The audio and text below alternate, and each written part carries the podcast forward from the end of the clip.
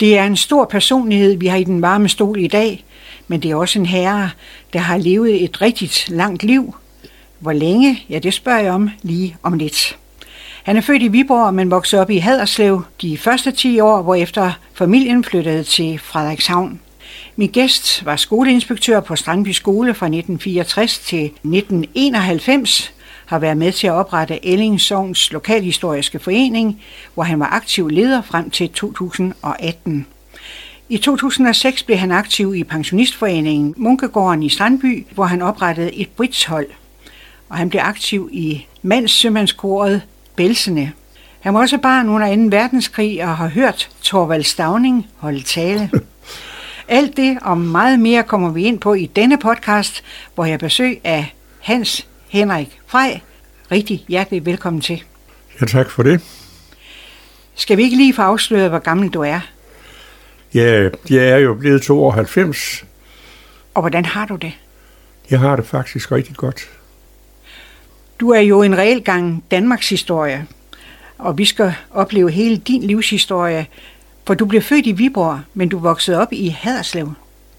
Og det gjorde jeg, fordi min far var lærer. Han var lærer i Kjellerup først, og øh, så flyttede han til Haderslev i 1930, fordi han var en ambitiøs herre, og han ville gerne videre frem. Så han så større muligheder i Haderslev, hvor han kunne undervise på øvelseskolen også. Det var lidt ambitiøst. Og i 1938 så fik han tildelt et øh, kursus, et årskursus for lærere, og det foregik kun et sted i Danmark på det tidspunkt. Det var Emdruborg i København.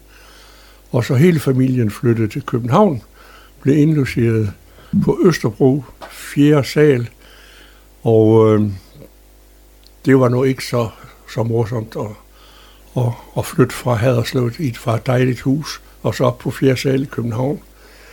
Og det var også små kår, for øh, far fik fri vikar det år, men der var ingen løn, så det var smalt hans. Prøv lige at fortælle lidt om dine bedste forældre. Øh, de var tyske statsborgere. Hvis vi starter med min øh, fars forældre, så var min øh, farfar, han var skræddermester i Agerskov, lige midt i Sønderjylland.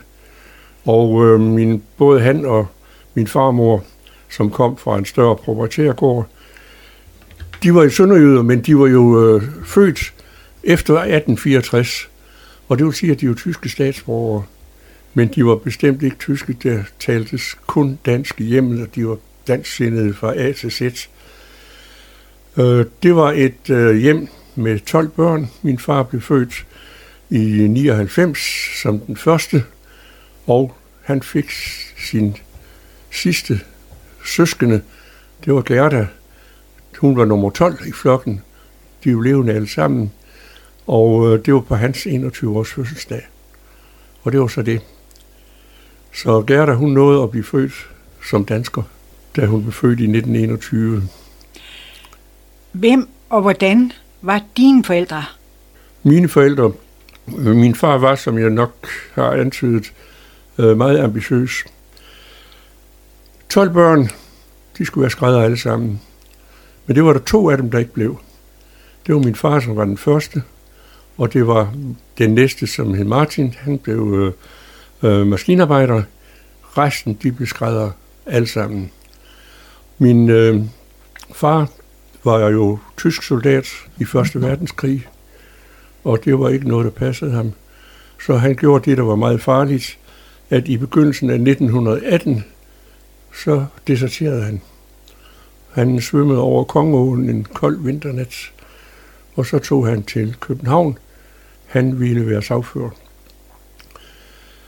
Men øh, det var jo en rigtig hård tid, fordi han kunne ikke have kontakt med dem hjemme. Det var under krigen. Han var deserteret. De var tysk statsborger, han var i Danmark.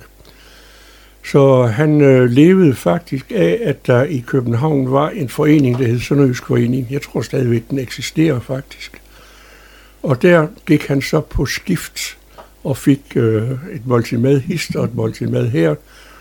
Og øh, der var nogen, der hjalp han til at få et øh, værelse oven på en legekaserne, du ved, sådan et træmmeværelse, hvor, hvor man kunne opbevare ting og sager. Der fik han lov til at sove. Og så begyndte han at studere. Han skulle være student først, ellers kom han jo ikke ind på universitetet. Og øh, han tog den toårige uddannelse på et øh, studenterkursus i København. Og så begyndte han at læse til sagfører. Og så opdagede han, at han blev kendt fil først. Man skulle jo tage det hed filosofikum dengang for at komme videre. Og øh, da han var blevet kendt fil og var startet på studiet, fandt han ud af, at det her gik ikke. Han kunne ikke leve sådan øh, i de 6-7 år, der tog op i sagfører. Og så fandt han ud af, at det kunne lade sig gøre at blive lærer på tre år, når man var student. Og det var han jo. Så han tog øh, til Haderslev og kom på det første øh, studenterhold. Øh, nej, det, det første seminariehold øh, på Haderslev Seminarium. Han gik forresten en klasse over øh, Lærer Bundesen fra Jerup. Og øh, så, så fik han lærereksamen og øh, blev lærer, som sagt, i Kjellerup, senere i Viborg og så i Haderslev. Og hvor traf han din mor? Han traf min mor i Kælderup, og min mor var fra et helt andet miljø. Øh, far kom jo fra håndværkermiljøet, skræddermiljøet. Hun var sagførdatter, Og øh, øh, det var et, et velhavende, dejligt, sådan rigtig hjertevarmt miljø. Og øh, han traf hende selvfølgelig i skolen, og øh, da hun så var færdig med skolen, så synes de to, at det skulle være hinanden. Jeg er ikke helt sikker på, at sagføren øh, var helt tilfreds med, at det skulle være sådan en skole der. Men øh, det blev det altså. Og øh, da de så havde undervist et kort, eller han havde undervist et kort stykke tid i Viborg, så var det, at de rejste til Haderslev. Det er jo det, jeg indledte med at sige, fordi han, han ville videre.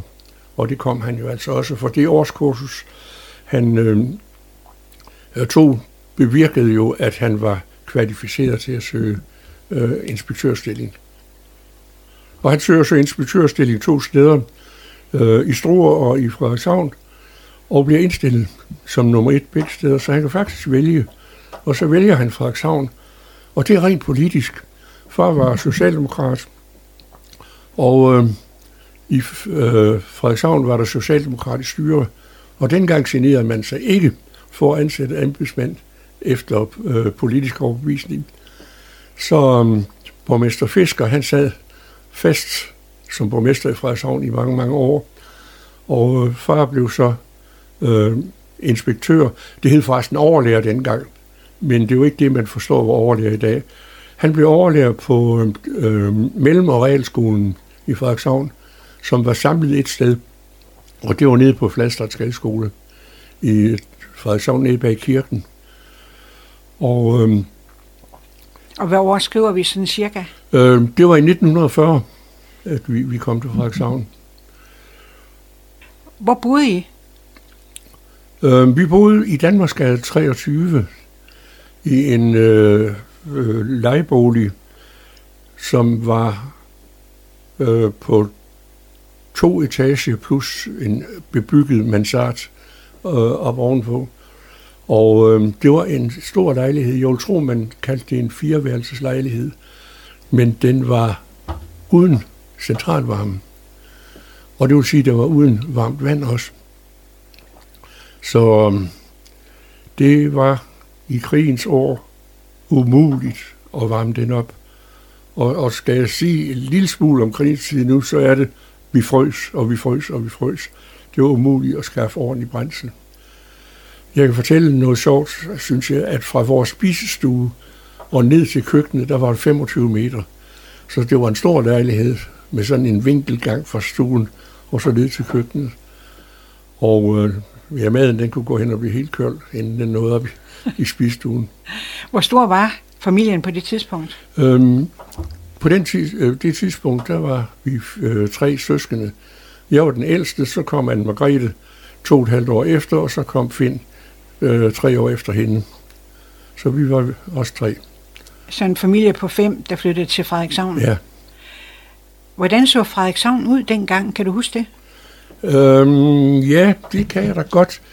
Øh, det var jo en mindre købstad.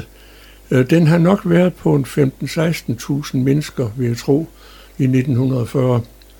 Øhm, og det var sådan, at øh, man kendte stort set hinanden alle sammen.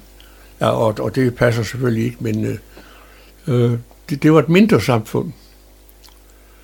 Øh, jeg var 10 år, øh, da vi kom, og, og, og byen var jo særpræget ved, at den var utrolig lang i forhold til sin bredde.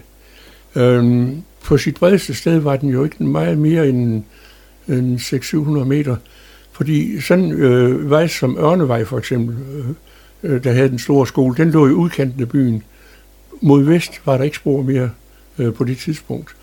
Men den strakte sig jo fra øh, fiskerklyngen og så ud til Bangsbo Strand. Bangsbo Strand var jo lige blevet indlemmet i, så vidt jeg husker, 1939, så hørte det Mette Frederikshavn. Så det var en by på en, ja hvad er der, en 6 km eller sådan en, af den lang, og så ikke mere end 600-700 meter bred. Din første ungdomsår, de foregik så i Frederikshavn, ja. barne- og ungdomsår. Øh, hvordan oplevede du egentlig at, at flytte så meget nordpå? Ja, vi var nogen, nogen vant til at flytte. Vi havde været fra København, og den slap vi da heldigvis fri for. Så øhm, vi var da spændt på at komme til Frederikshavn, og vi faldt godt til i Frederikshavn, må jeg sige. Øhm, jeg havde i Frederikshavn en rigtig spændende og en rigtig god øh, barndom. Jeg, jeg var glad for at være i Frederikshavn. Øh, hvad lavede I som børn? Øhm, tænker du på, øh, hvad vi legede med eller sådan ja. noget? Ja, det var jo helt anderledes end i dag. Lejene, de var jo helt klart sæsonbestemte. Så hvis vi starter om, om foråret, så var det jo i Holland, det var spil kugler, det var pigerne hoppede i reb og kastede bold op ad muren. Vi andre, vi havde temmelig mange andre boldspil, altså drengene. Øh, jeg kan huske, der var noget, der hed Stanton, men øh, de aldrig kunne få nogen til at, at, at mene, at de kan huske den leg, så det kan være, at jeg husker det forkert, men det var noget med, at man smed en bold over et hus, og så skulle man rende over på den anden side, hvad den sådan rigtig gik ud på, det kan jeg ikke rigtig huske. Og så spillede vi kniv, det vil sige, vi spillede land. Vi tog en lommekniv, så skulle vi have en jord, der ikke var alt for hård, så smed vi kniven ned i jorden, så tegnede man en streg langs med knivens øh, retning, og så har man erobret det stykke jord, man, man boede på. Vi legede også sangleje. Øhm, øh, to mand frem for en enke og, og, og den slags. Og der, der var mange forskellige lege, men det typiske var jo, vi legede ude hele dagen, når vi kom fra skole, og så til vi ind og læse lektier eller ind og spise, så foregik det ude. Hvor kom du i skole? Jeg kom i skole på Ørnevejsskole, og det lyder lidt mærkeligt, fordi far havde jo... Øh, jeg kom i 4. klasse, da vi kom, og jeg fik øh, en, en rigtig dejlig klasselærer. Og så fra 4. klasse, der kunne man jo komme i mellemskolen. Så var det dem, der skulle videre. De andre, de gik så i almen skole, jeg ved som ikke, hvad den hed. Jeg tror, den hed eksamensfri mellemskole. Og, og der var det jo meget almindeligt, at man gik ud efter 7. klasse. Men jeg var da så heldig, så, så jeg slap ind i, i mellemskolen og havde øh, en række formidable år der. Mellemskolen bestod jo af fire trin, første, anden, tredje, fjerde mellem. Og så var der slut med en mellemskoleeksamen, men de, der havde lyst, de kunne gå et år mere, så tog man en realeksamen, og det gjorde jeg så også. Øh, skulle man i gymnasiet, skulle man have mindst øh, mellemskoleeksamen, men øh, meget gerne realeksamen. Så jeg befandt mig utrolig godt i skolen. Var det samme sted, som din far var inspektør? Ja, og, og, og det var det, jeg ligesom ikke rigtig kom ind på. Han var inspektør nede på Fladstandsgade skole, men da tyskerne kom, så øh, beslaglagde de jo alle skoler, undtagen Ørnevands skole. Så i en årrække bestod al undervisning øh, i Frederikshavns Kommune på skolegang i Ørnevands skole. Og du kan godt tænke dig, at der har været pres på. Og det betød så også, at øh, timetallet blev lidt skåret ned, og undervisningstiden blev udvidet, så man underviste fra klokken 8 morgen, og så til klokken 4-5 stykker om eftermiddagen, for at få det hele til at gå op. Kunne du lide at gå i skole? Jeg elskede det, simpelthen.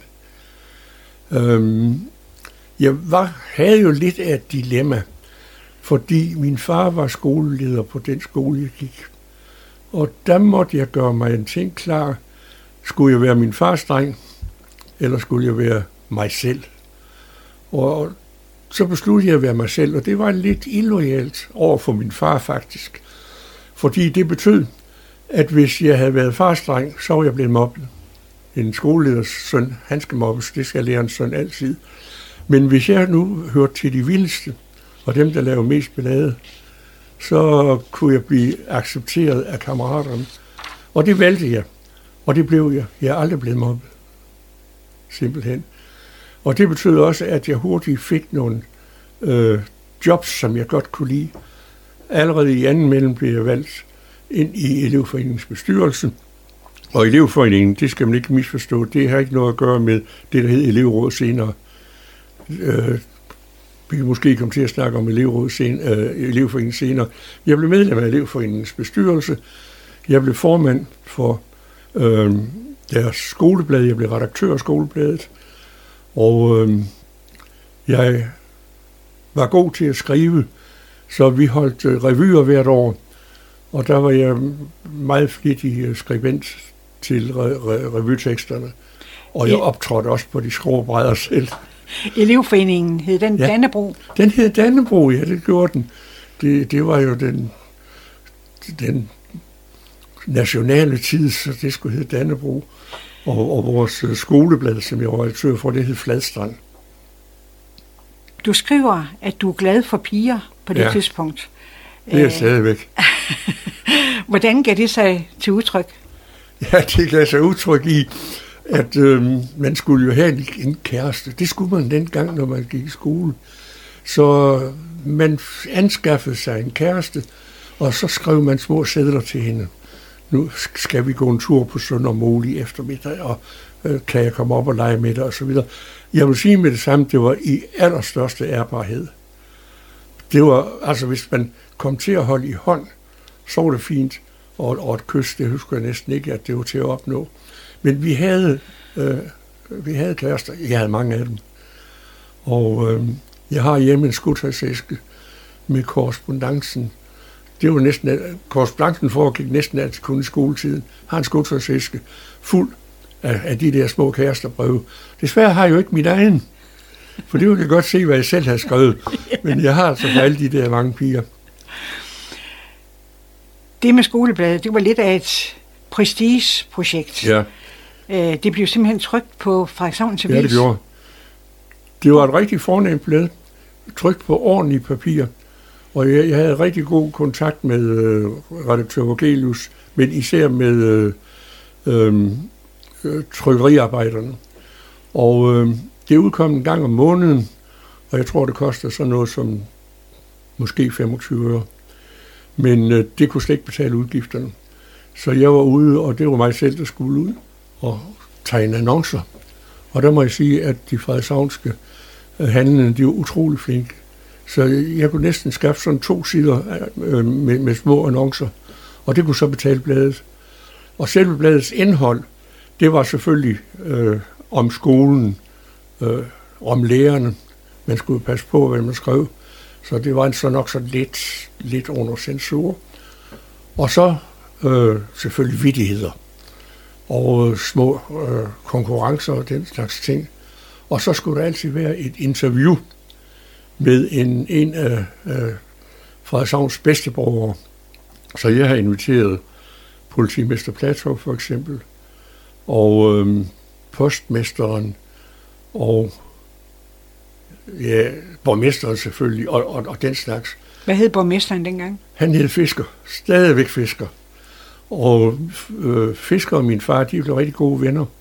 De spillede kort en gang om ugen, hans kone og øh, fars og, og, og min far og min mor.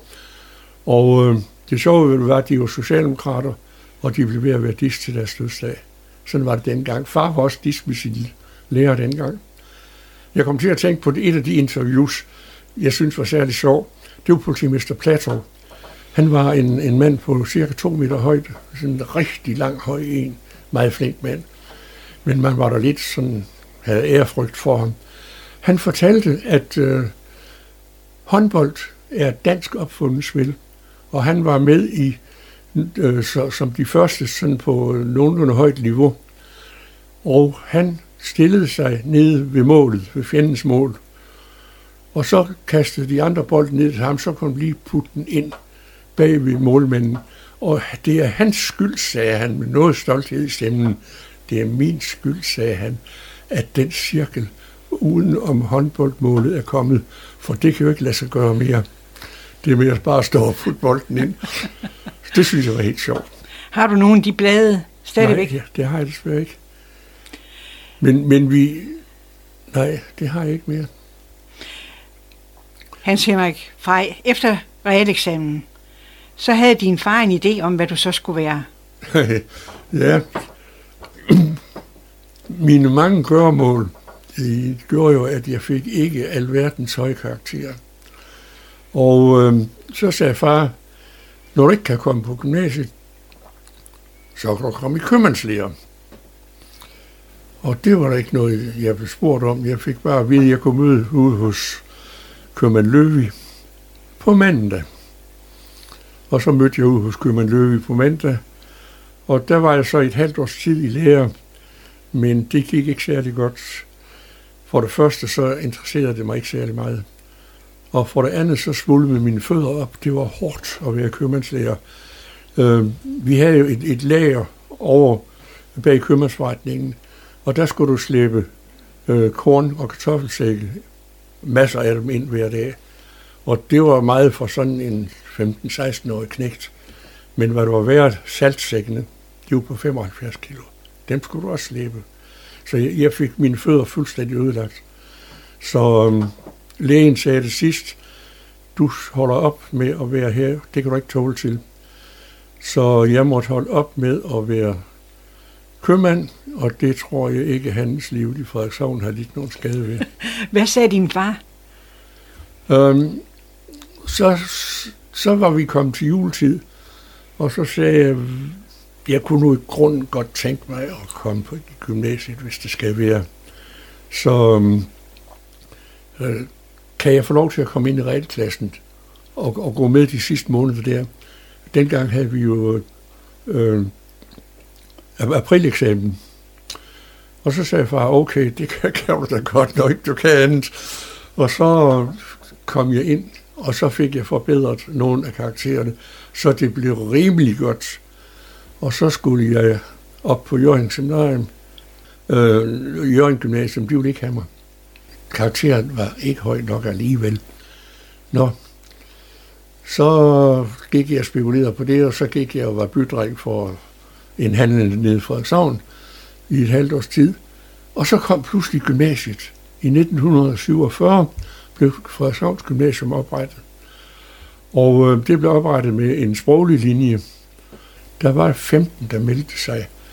Og øh, der var jeg jo heldig, for de tog jo ravl og krat. Så jeg fik lov til at, til at komme med som øh, på det første hold.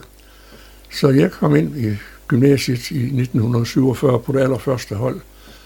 Og jeg sagde det, vi startede 15, der var hurtigt to, der faldt fra. Men vi var 13, der holdt ud til 1950 og blev studenter. Hvordan husker du din gymnasietid? Det var den værste tid i hele mit liv.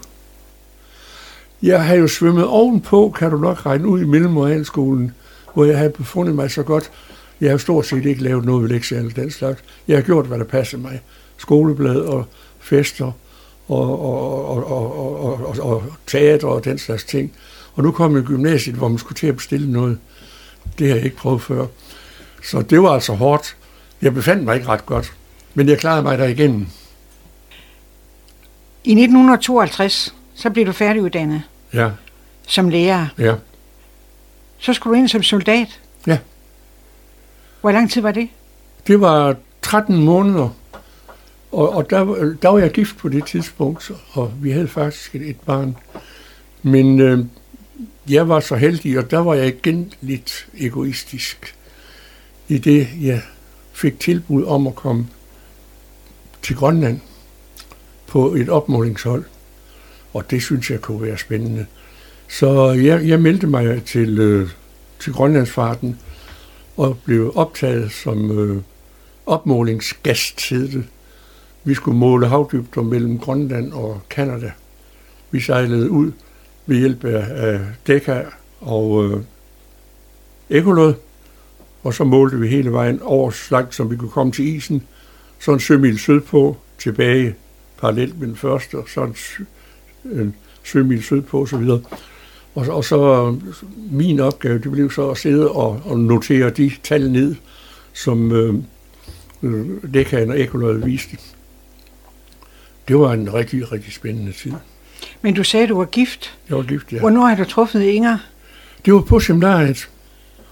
Og øhm, det var jo ikke så godt.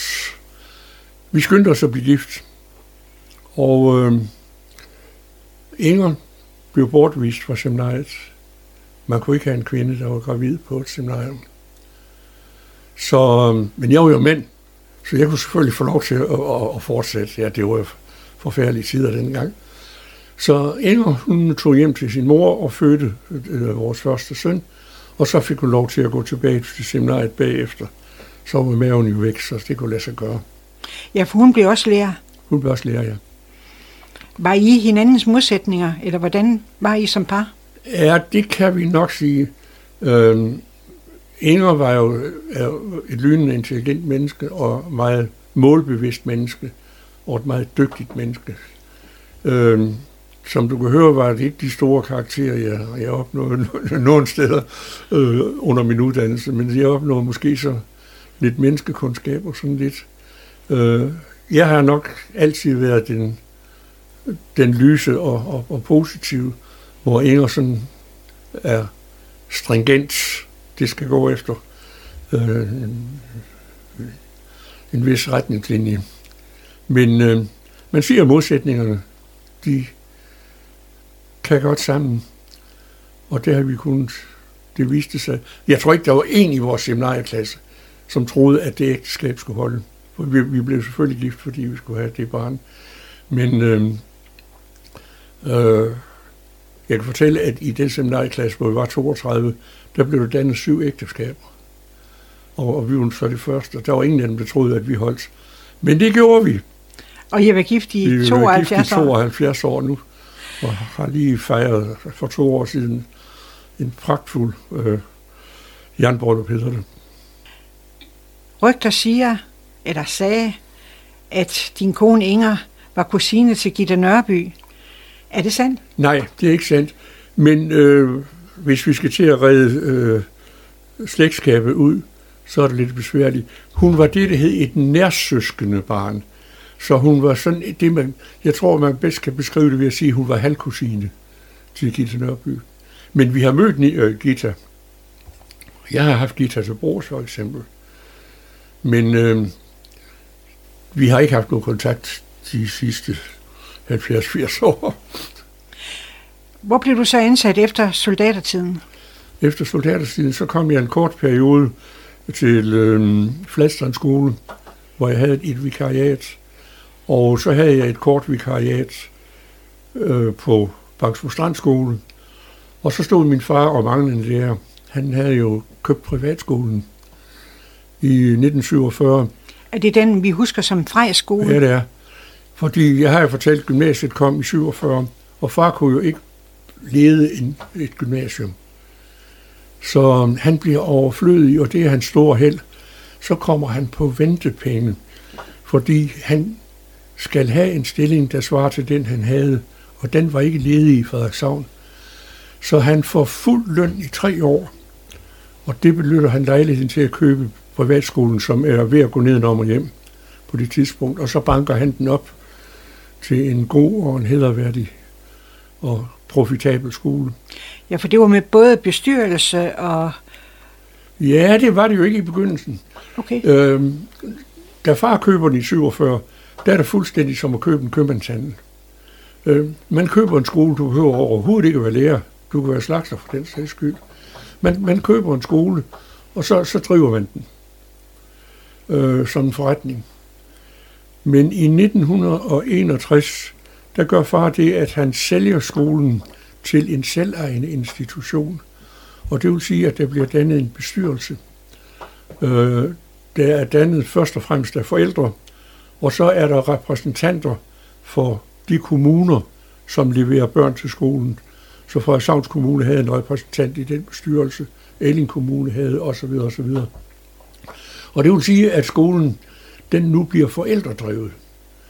Og øh, tre år før han gjorde det, der havde jeg været viceinspektør, og da far lavede den til øh, selvejende institution, så gik han på pension i 1961. Og der valgte bestyrelsen mig som leder, så jeg var leder i tre år. Din far var kun 64 år, ja. da han gik på pension? Afslidt op. Han var det flittigste menneske, jeg nogensinde har kendt. Han øh, arbejdede altid. Hvis der blev sagt, værsgo, vi skulle spise, så tog han sin russisk bog, for eksempel. Han kunne tale russisk også, eller noget i hvert fald. Så sad han og læste indtil frikadellerne stod på bordet. Han forsålede selv vores sko. Han lavede selv vores møbler. Han udgav øh, en Esperanto-ordbog. Han var meget optaget af Esperanto. Og øh, Ja, nu ved jeg ikke, hvordan vi kom til at, til at snakke om det. Men i 1964, ja. der søger du så stillingen som skoleinspektør på Strandbyskolen. Ja. Hvordan gik det til? Ja, det er en lidt kringlet historie. Jeg havde en bestyrelse, som sagt fra 61 til, til 64, og jeg skulle vende den bestyrelse til, at det ikke længere var mig, der stod for det hele. Bestyrelsen den skulle tage sig af skolens drift og fremtid. Og jeg prøvede at fortælle dem, at jeg var ansat som pædagogisk leder, mens de skulle sørge for, at skolen kom videre. Vi var i to by, ganske almindelige øh, lejeboliger nede i Låsgade og Malgade. To almindelige huse, 250 elever. Vi havde ingen gymnastiksal. Vi havde ingen skolekøkken, vi havde ingen sløjtsal, vi havde et elendigt fysiklokale, vi havde simpelthen ingen øh, faglokaler. Men det værste var nok, at vi ingen gymnastiksal havde. Vi kunne simpelthen ikke være dernede mere, så mange som vi var. Morerne, de var ved at revne på grund af elever. Den hed stadigvæk Frejskole? Det er stadigvæk Frejskole. Og så sagde jeg allerede første år til bestyrelsen, vi skal et andet sted hen. Vi kan ikke blive ved at bebo her. Det er jeres opgave at, at hjælpe os frem til det. Det forstod de ikke.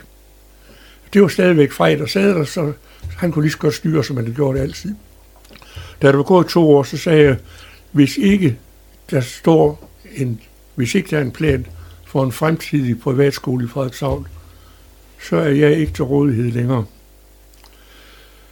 Øh, så I får et ultimatum. Der er planer for en udflytning af skolen inden et år, ellers flytter jeg. Da vi var kommet til marts måned, der var der ikke sket spor. Andet end at kommunen havde stillet en, en øh, øh plads til en, øh, hvad hedder sådan noget, parcel til rådighed. De har givet os en grund op på Kokvedvej, der hvor den nye privatskole faktisk ligger i dag.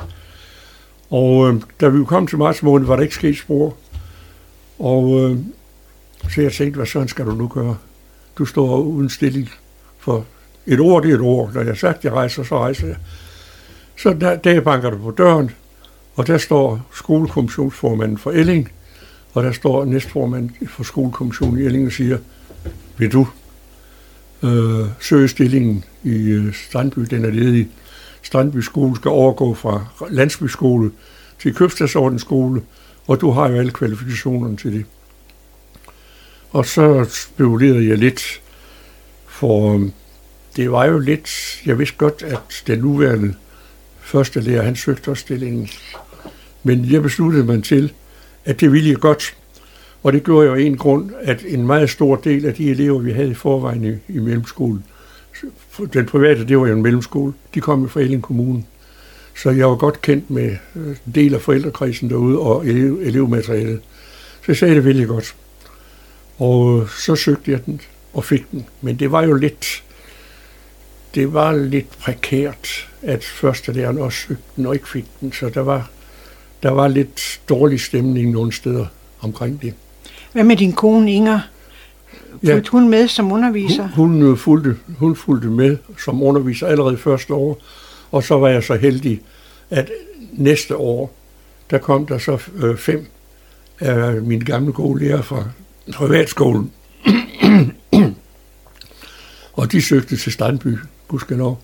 Og der havde jeg så nogle lærere, som var vant til at undervise i en privatskole, bortset fra, at der var mange dygtige lærere derude i forvejen. Hvor mange lærere og elever øh, var der på skolen, da du startede? Det er et rigtig godt spørgsmål. Jeg vidste det ikke. Jeg fik det heller ikke at vide. Førstlæreren ville ikke øh, have kontakt med mig. Han, han var selvfølgelig skuffet over, at han ikke havde fået det. Det er ikke noget at sige til. Men da jeg kom, var der ikke en protokol, der fortalte, hvor mange klasser der var. Og der var ikke, og jeg kunne heller ikke se, hvor mange elever der var. Og der var ikke nogen som helst stykke papir, jeg kunne se. Øh, jeg gik jo i gang allerede 1. juli. Jeg, jeg skulle jo starte til august. Men gudskelov var der nogle rigtig søde der, som kunne hjælpe mig. Og der må jeg nok nævne navnet Karl Fred Havgård for eksempel, og øh, Hanne og Johannes Møller. De hjalp mig rigtig godt i gang. Vi har Hans Henrik Frej i studiet. Hans Henrik, øh, hvor mange øh, elever kom der senere, og hvor mange lærere? Det blev jo en kæmpe jeg foregår det ganske sidst. kort. Jeg, jeg, du spurgte før, hvor mange der var, jeg kom. Jeg tror ikke, der var mange flere end, end 170 stykker, fordelt på syv klasser. Øh, Strandby skole havde jo lige fået elever fra, øh, fra Ellingskole, der var blevet nedlagt, jeg tror det var over før, fra Bratten skole og ud fra Hedenskolen.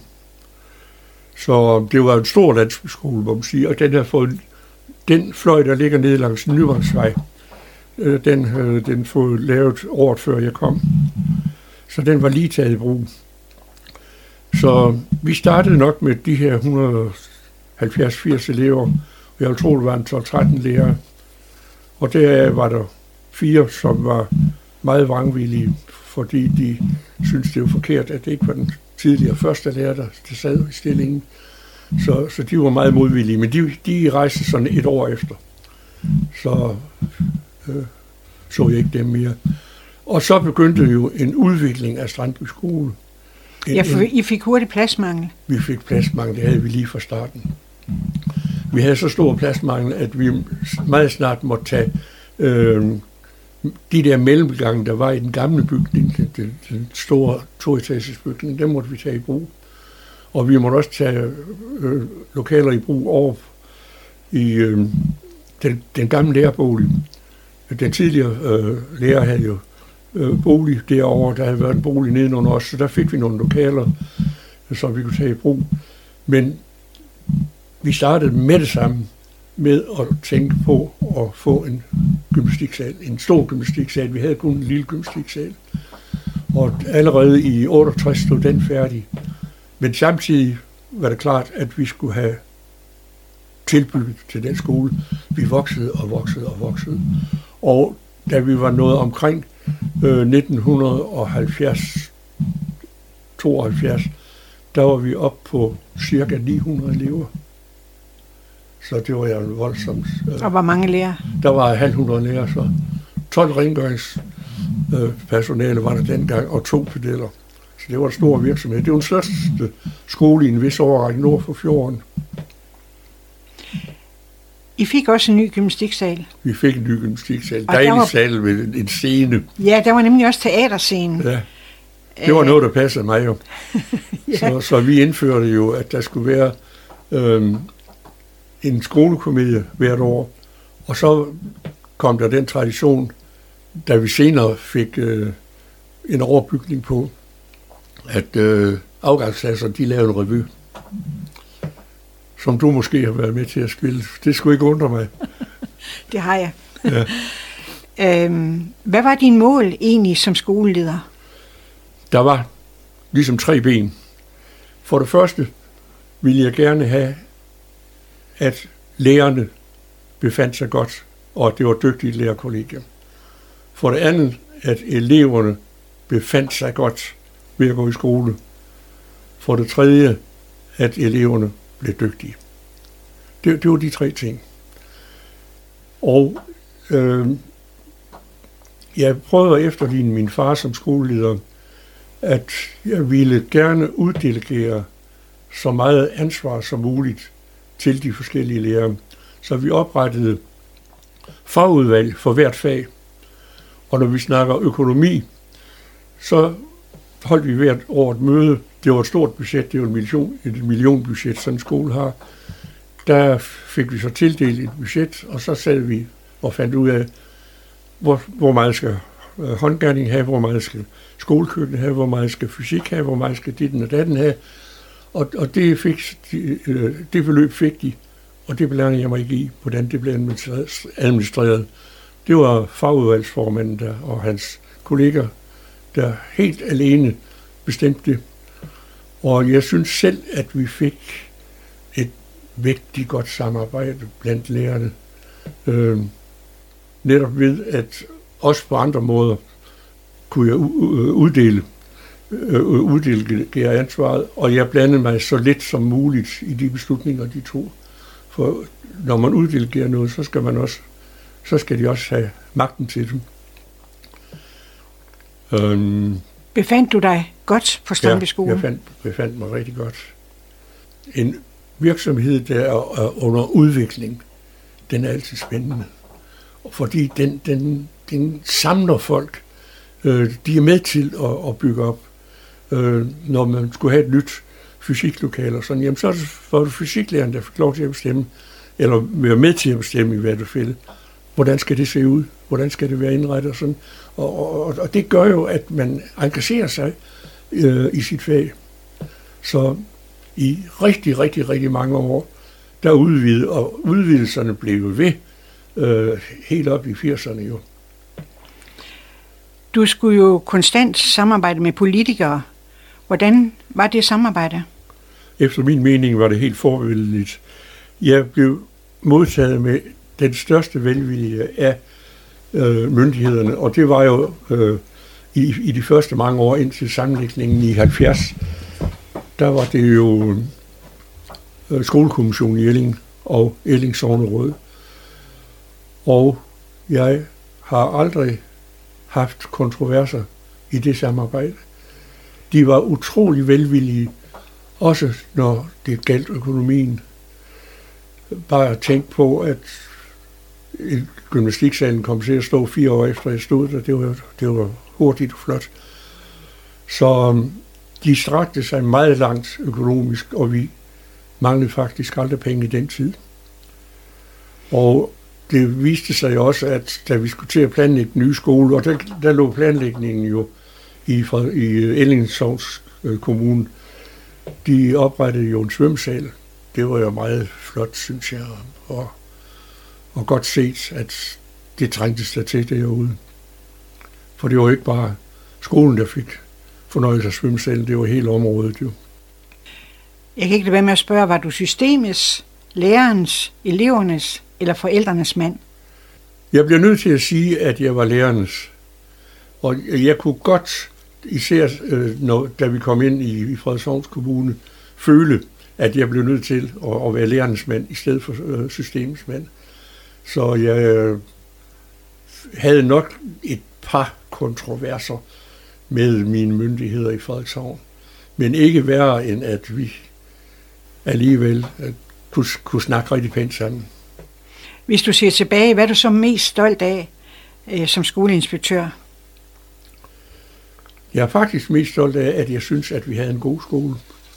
Øhm, jeg tror også, at de fleste elever vil sige, at vi havde en god skole. Det, det, det er mit indtryk. Når jeg for eksempel tænker på sådan noget som mobning, som vi jo taler rigtig meget om i dag, den var der jo også dengang, men det var jo det var så så småt som muligt. Og, og jeg tror, at vi tit var heldige ved at gribe ind, når det var ved at gå galt nogle steder. Så jeg tror ikke, der er alt for mange elever, der synes, de blev mobbet. For eksempel. Det, det er nok det, jeg er mest stolt af. Jeg, jeg tror, vi havde en, en skole, hvor folk vil sige, at vi var glade for at gå. Såvel lærere som elever. Hans Henrik, du fungerede på Strandby Skole i 27 år. Ja. Fra 64 til Ja. 91. Ja. Hvad gjorde så, at nu vil du på pension? Det kan jeg godt sige. Og det var fordi, øh, man begyndte sidst i, sidst i 80'erne at tale om, at lederen, øh, skolelederne, skulle være den stærke leder. Der skete jo det, at man afskaffede lærerrådene nogle år før, og det var jeg meget, meget ked af. Øh, lærerrådet var jo faktisk den, der bestemte, hvad der skulle ske på skolen. Øh, jeg, jeg, jeg kunne sådan lægge an i lærerrådet, at jeg kunne foreslå, at sådan og sådan skulle ske. Men det var lærerrådet, der bestemte. Pludselig var der ikke noget lærerråd mere. Så var der en skoleleder, og han skulle være stærk. Jeg har aldrig været den stærke skoleleder. Jeg selv synes, at jeg har været den, der gerne lyttede til andre. Og nu havde jeg ikke rigtig nogen at lytte til mere. Jeg, mit, mit kære lærerråd var væk. Og det var grunden til, at jeg holdt op. Jeg kunne godt have taget en 4-5 år mere. Men jeg synes, at jeg vil ikke til at være øh, enehersker. Du var kun 61 år. Ja, Hvad ville du så? så vil jeg på pension. øhm, det var meget almindeligt, at man gik dengang. Man kunne gå på førtidspension. Og øh, det var jo det tidspunkt, hvor man sagde, at øh, folk, de ældre folk, de skulle trække sig. For der var jo arbejdsløshed. Det var der også blandt lærerne. Øh, vi skulle lade de unge komme til, og det var en af bevæggrunden til, at, at vi ikke så tidligt.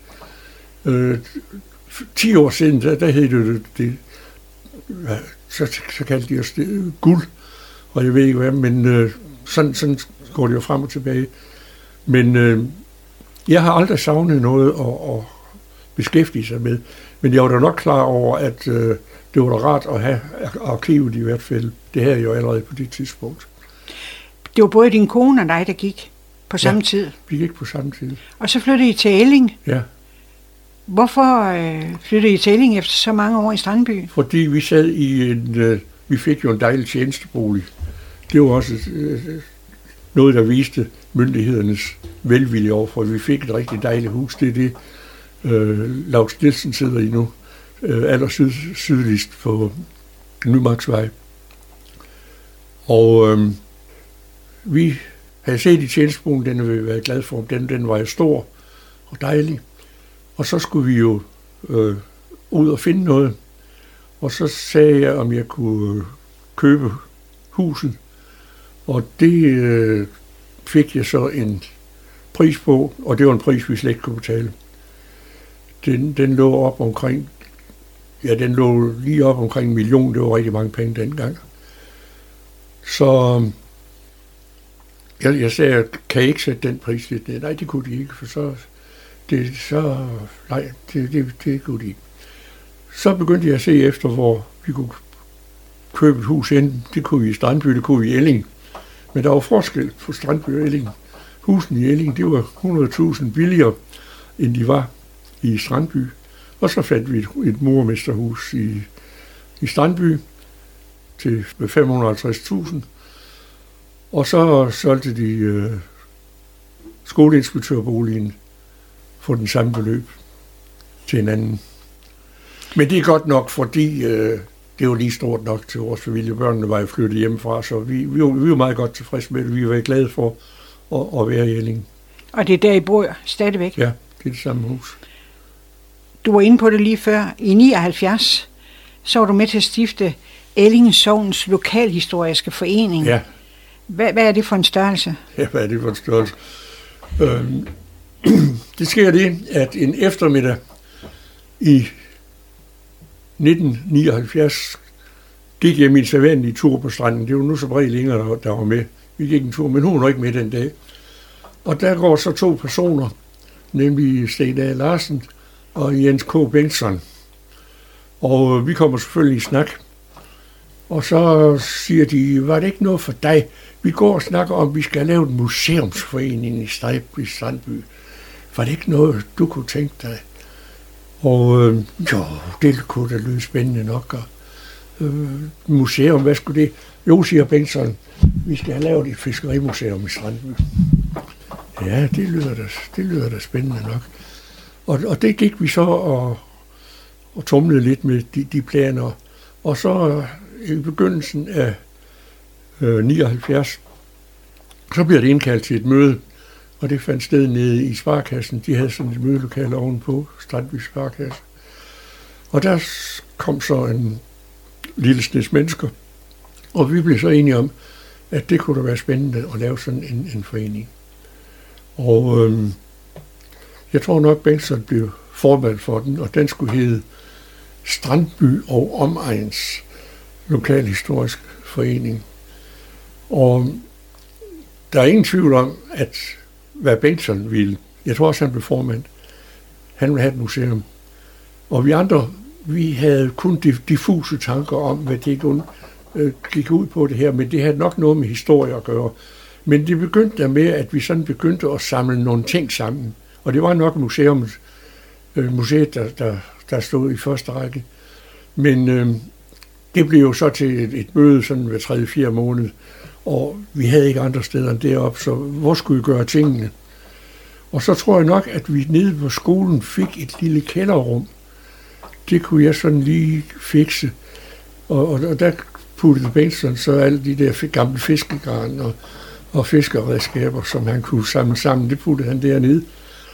Og så skete der en voldsom ændring, fordi Bodil Mortensen, som jo boede tjenestebolig over lige selv, hun gik på pension. Hvad skulle vi bruge de lokaler til? De kunne ikke bruges til undervisning. Det prøvede vi på. Men øh, der var flere ting, der, der gjorde, at det var uhensigtsmæssigt. Og så fik jeg den idé, kunne vi ikke få det til Lokalhistorisk Forening? Og det fik vi. Øh, byrådet gik med til det. Øh, der er vi altså nu inde i, i Frederikshavnerperioden, så det er Frederikshavnsbyrået, der, der gør det. Og øh, så fik vi lov til at indrette et dejligt arkiv deroppe. Og det har faktisk senere fået udvidet. I det, den lille gymnastiksal, den øh, opholdt jo, holdt jo op med at være gymnastiksal, så man der ikke brugt for brugsrummet længere. Så brugsrummet blev skilt af, og det fik vi som fjernarkiv, og det manglede vi. Og nu kunne vi så begynde at, at, at arbejde rigtigt. Og det viste sig jo ret hurtigt, at øh, det de fleste i bestyrelsen havde interesse af, det var arkivet.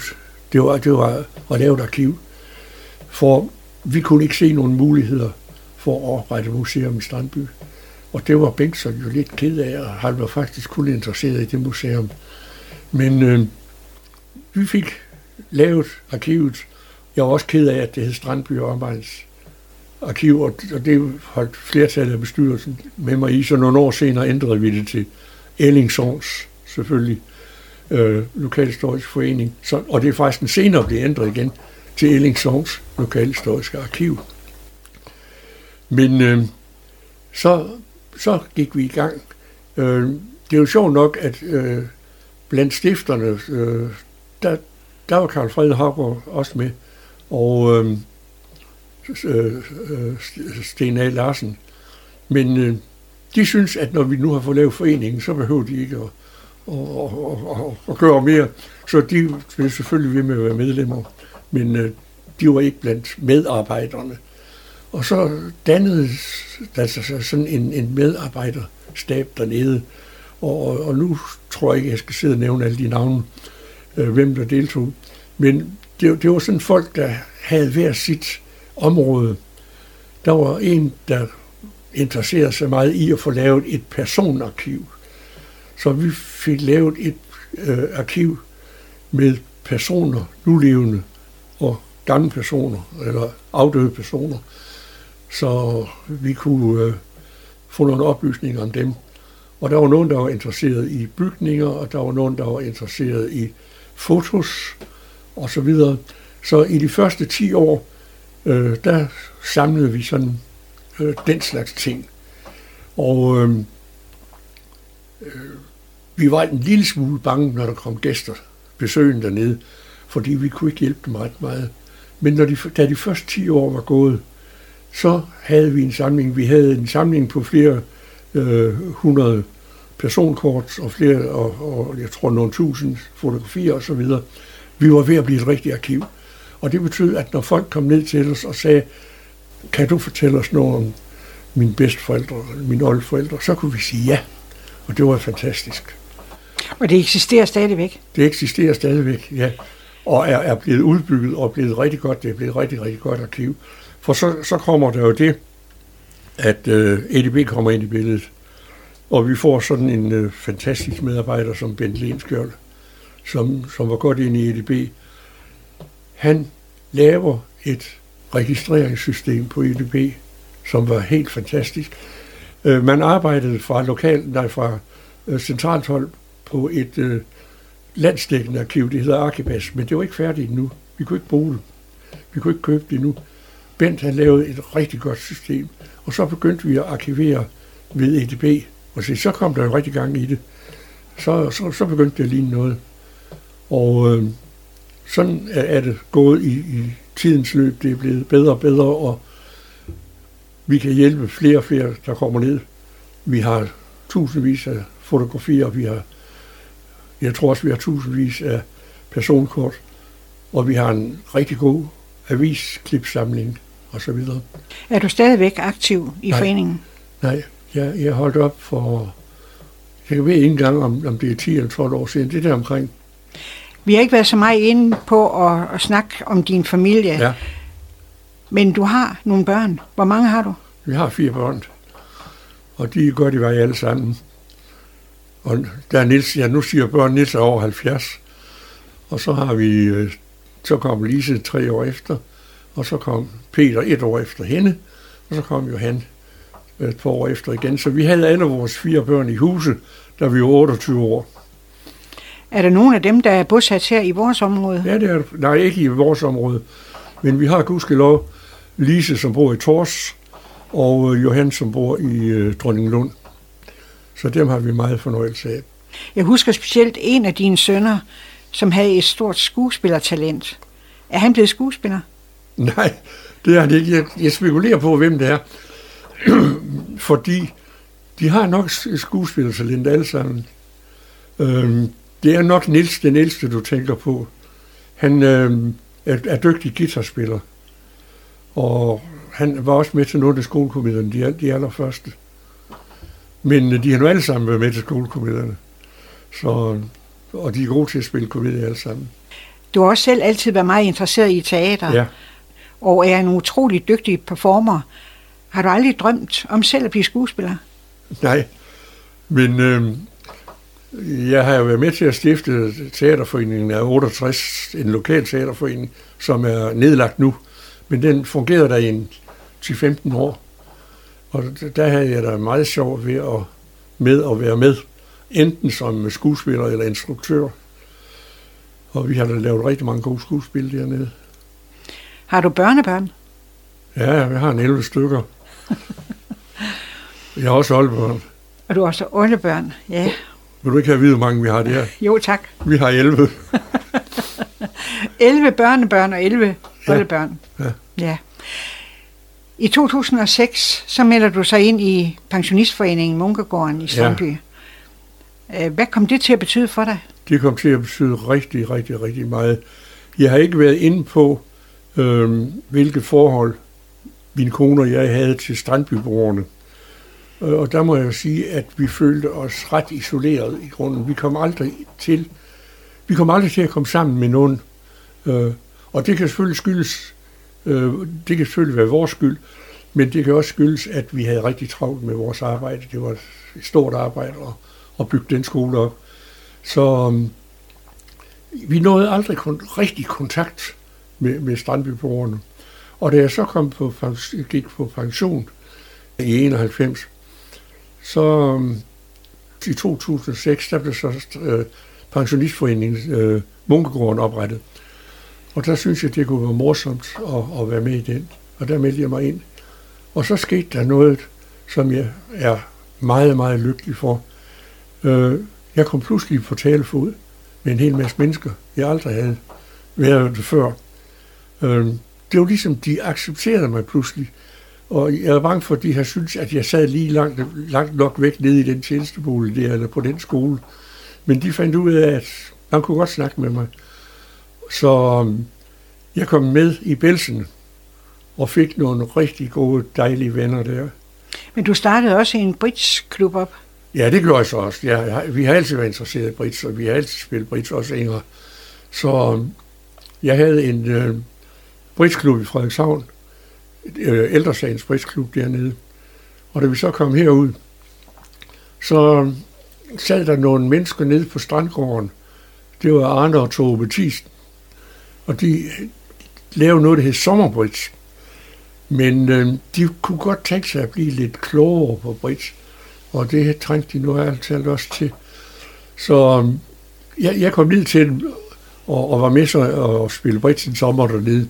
Og så siger Arne Mathisen, kan du ikke tage at lave, kan du ikke tage at lave en rigtig bridgeklub? Og så lavede jeg, så tilbød jeg øh, bridgeundervisning ned i, i Munkegården, og der kom nok til at lave et, et, et hold. Og så lavede vi en bridgeklub, og det så gentog jeg et par år senere øh, tilbuddet om et, et nyt kursus. Og efterhånden så var vi et hold på 10 brugere, og det, det er vældig fint. Så det havde vi også meget fornøjelse af. Du nævnte lige bælsene. Ja. Fortæl lidt om, hvad det kom til at betyde for dig, at du kom med i bælsene.